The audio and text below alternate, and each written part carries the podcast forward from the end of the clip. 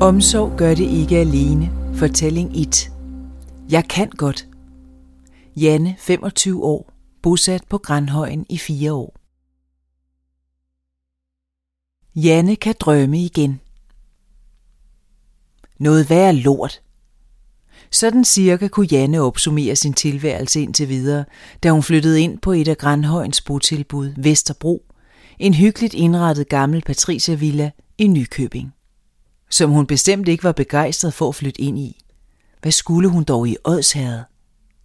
Jeg kom langt væk fra mine venner og følte også, at det var et helt forkert sted for mig. Jeg kunne meget mere end de andre beboere. I dag kan jeg se, at jeg lærte en masse af det socialt. Men hvis du havde spurgt mig dengang, havde jeg sagt, at jeg ikke gad være der et øjeblik længere. Dengang var mit motto, jeg kan ikke, jeg vil ikke. I dag er det, jeg kan godt. Jeg tror på mig selv, siger 25-årige Janne. Spørger man hende, hvor hun er opvokset, er svaret mange steder. Hun blev født i København og blev rykket til Gladsaxe, hvor hun voksede op som midterbarnet med to brødre, en far, der var håndværker, og en mor, der var socialassistent. Men hun har boet mange andre steder gennem sin ungdom. Hos plejefamilie, på efterskoler og rundt omkring hos venner. Da Janne begyndte i folkeskolen, viste det sig hurtigt, at hun havde svært ved at sidde stille og vanskeligt ved at følge med. I 3. klasse blev hun flyttet til en anden skole, hvor hun gik i specialklasse. De fandt ud af, at jeg var ordblind oven i det, de kaldte generelle indlæringsvanskeligheder. Jeg havde også meget svært ved at koncentrere mig og bare sidde på en stol. Da jeg kom til Grandhøjen og blev testet af en psykolog, fandt de ud af, at jeg nok har ADHD. Det var ikke nogen overraskelse for mig. Det har jeg altid vidst selv, siger Janne. Løb hjemmefra. Allerede som 11-årig begyndte Janne at stikke af hjemmefra. Første gang tog hun til Christiania, hvor en veninde boede med sin familie. De sørgede for at underrette Jannes familie, og hun fik lov at bo i fristaden i en periode, før hun vendte hjem. Men derefter stak hun af mange gange og boede hos venner rundt omkring. Mine forældre fulgte mig i skole for at sikre, at jeg mødte op. Så stak jeg bare af i det store frikvarter. Jeg havde det ikke godt i skolen. Jeg ville ikke være der. Jeg blev mobbet, som man altid bliver, når man er tyk, men jeg har også selv været med til at mobbe i perioder, hvor jeg var helt tynd. Forældrene blev skilt, og Janne flyttede sammen med sin mor. De havde et anstrengt forhold til hinanden, og det blev ikke bedre med tiden. Janne følte, hun skulle stå for en masse praktisk i hjemmet, og følte sig samtidig overset. Som 13-årig fik hun en kæreste på 17 år og opholdt sig meget hos ham i Helsingør, hvor han boede på en ungdomspension. Han boede på pensionen, fordi hans forældre var alkoholikere. Han var selv dybt afhængig af forskellige stoffer, og jeg var lige begyndt på forskelligt misbrug, før jeg mødte ham. Jeg tog alt, hvad der kunne spises eller sniffes, speed, coke, lightergas, deodoranter og parfume, alt hvad der kunne gøre mig skæv. Det hele gik op i hat og briller, vi festede hele tiden. Når jeg var sammen med mine veninder, sad vi rundt om i forskellige ungdomsklubber og drak og tog stoffer. Det kunne sagtens lade sig gøre at slippe afsted med det, hvis man satte sig ned bagerst i lokalerne. Med i 20 bande. Forældrene opdagede til synlædende ikke, at Janne var røget ud i misbrug, og det lykkedes hende også at skjule det for dem, da hun blev taget for tyveri. Vi var en flok piger, en flok taber og sociale tilfælde, der ikke havde det godt derhjemme, som var sammen om tyverierne. En gang stjal vi kontanter for 2500 kroner i en sportsklub for ældre, og fik også fat i et hævekort, som det lykkedes os at hæve 25.000 kroner på. På en af de barer, pigerne brugte kortet, var der dog en bartender, der undrede sig. Vi var ret dumme, for en af pigerne sagde, at det var hendes mormors hævekort, og så oplyste hun sit rigtige navn. Derfor var sagen hurtigt opklaret af politiet, der også sendte informationsbreve til Jannes forældre. Men hun oplyste sin papstorebrors adresse og undgik på den måde, at forældrene fik nys om det. Jeg turde ikke fortælle det derhjemme. Sammen med de andre piger fik jeg en aftale med politiet om at betale tilbage, så jeg arbejdede en hel masse. Jeg gik med aviser og tjente penge ved at hjælpe min farmor, indtil det var betalt af. Fanget i misbrug Som 14-årig fik Janne en plejefamilie på Lolland. Hun har stadig kontakt med familien, som gav hende et løft for en tid.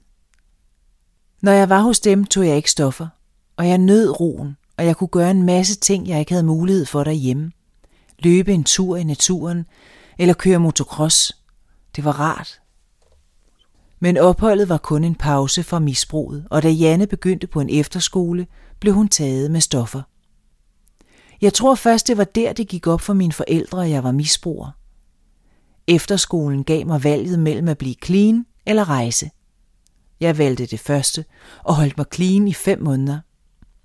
Misbruget blussede op igen, da hun stoppede på efterskolen og rykkede hjem til sin mor, og Janne var begyndt at se et mønster. Hver gang jeg kom hjem, begyndte det forfra igen med alt det dårlige. Igen og igen. Jeg kunne ikke komme væk fra det. Janne fik bevilget flere efterskoleophold. Hun gik på efterskole til hun var 18 år. Så flyttede hun igen hjem til sin mor og begyndte på teknisk skole i Ishøj. Der fik jeg en masse sandheder. Det nytter ikke noget, du forsøger at stikke af hele tiden. Det hjælper dig ikke at råbe, hverken af os eller af dine forældre. En hel masse af den slags, indtil jeg råbte, Fuck jer, I er ikke mine psykologer, jeg bestemmer selv. Efter den episode sagde min sagsbehandler gennem 3-4 år til mig, at nu var der ikke mere, han kunne gøre for mig, hvis jeg ikke tog imod et tilbud på Grandhøjen. Langsom bedring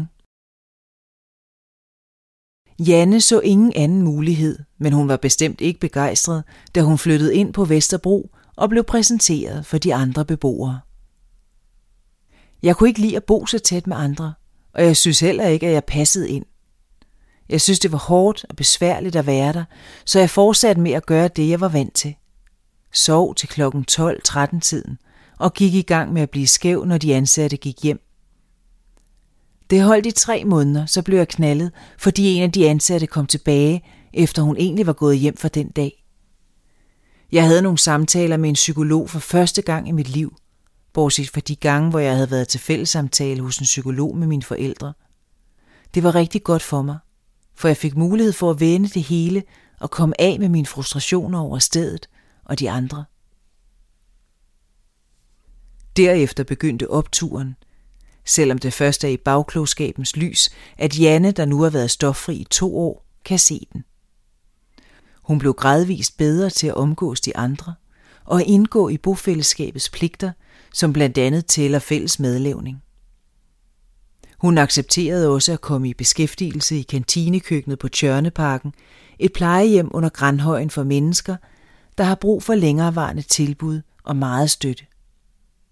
I første omgang var det fra klokken 12 til 16, for jeg ville være sikker på, at jeg kunne sove længe, som jeg var vant til.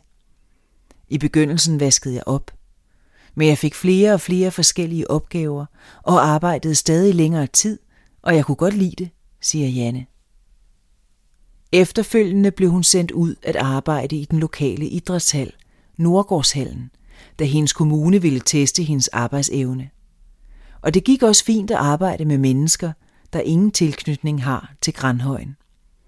Men da hun vendte tilbage til at arbejde i Grandhøjens regi og fik tilbudt beskæftigelse i gårdbutikken Nygården, reagerede hun med vrede. Jeg råbte, at det gad jeg sat mig ikke. Sådan har jeg tit reageret, når jeg skal noget nyt. Alligevel endte det med at være fint nok, stille og roligt, fortæller Janne. Hun fik siden lov at dele sin arbejdstid mellem Nygården og Grandhøjens anden socialøkonomiske virksomhed, Hotel du Vest, hvor hun nu lægger al sin arbejdstid. Desuden går hun i skole hver mandag, hvor hun er dansk og matematik. Sjovt at arbejde i de seneste to år har Janne boet alene i en udslusningslejlighed omgivet af naboer, der også er beboere fra Grandhøjen. Selvom jeg havde glædet mig til at flytte ud fra botilbuddet til udslusningslejligheden, gjorde det mig også nervøs at bo alene. Jeg havde brug for samtaler med min kontaktperson flere gange om ugen om alt muligt forskelligt, som jeg ikke var vant til at stå for selv. Efterhånden som jeg er blevet bedre til at klare mig, har vi haft færre og færre møder. Det handler meget om, at jeg får skabt struktur i hverdagen. Jeg har en tavle, hvor jeg skriver alt det op, jeg skal. Hvis jeg ikke kan skrive det, bruger jeg billeder. Det hjælper meget at få sat det op på den måde, så jeg hurtigt kan danne mig et overblik. I nogle perioder fylder arbejdet på Hotel du Vest meget på tavlen, for Janne er for længst på fuld tid og arbejder i højsæsonen, endda nogle dage fra 8 til 17. Vi glæder os til påske, for vi har fået nyt menukort og ny kok. Det er sjovt, når vi er travlt, og der kommer en masse gæster. Noget at indhente Det bliver også sidste højsæson, Janne kommer til at opleve i beskæftigelse på hotellet. Hun har efter lang tids venten fået tildelt en etværelseslejlighed i Brøndshøj og skal flytte fra Grandhøjen efter fire år. Fire år, som har ændret hende markant. Der er sket rigtig meget med mig. Især fordi jeg ved, at jeg kan noget nu. Jeg er på alle måder blevet mere voksen og selvstændig, og opfører mig også anderledes over for andre. Tidligere snakkede jeg som en havnearbejder og bøvsede og pruttede, som det passede mig. Jeg er også blevet bedre til at bevare roen, for jeg har lært meget af mig selv. Blandt andet, at det er vigtigt, at jeg giver mig god tid.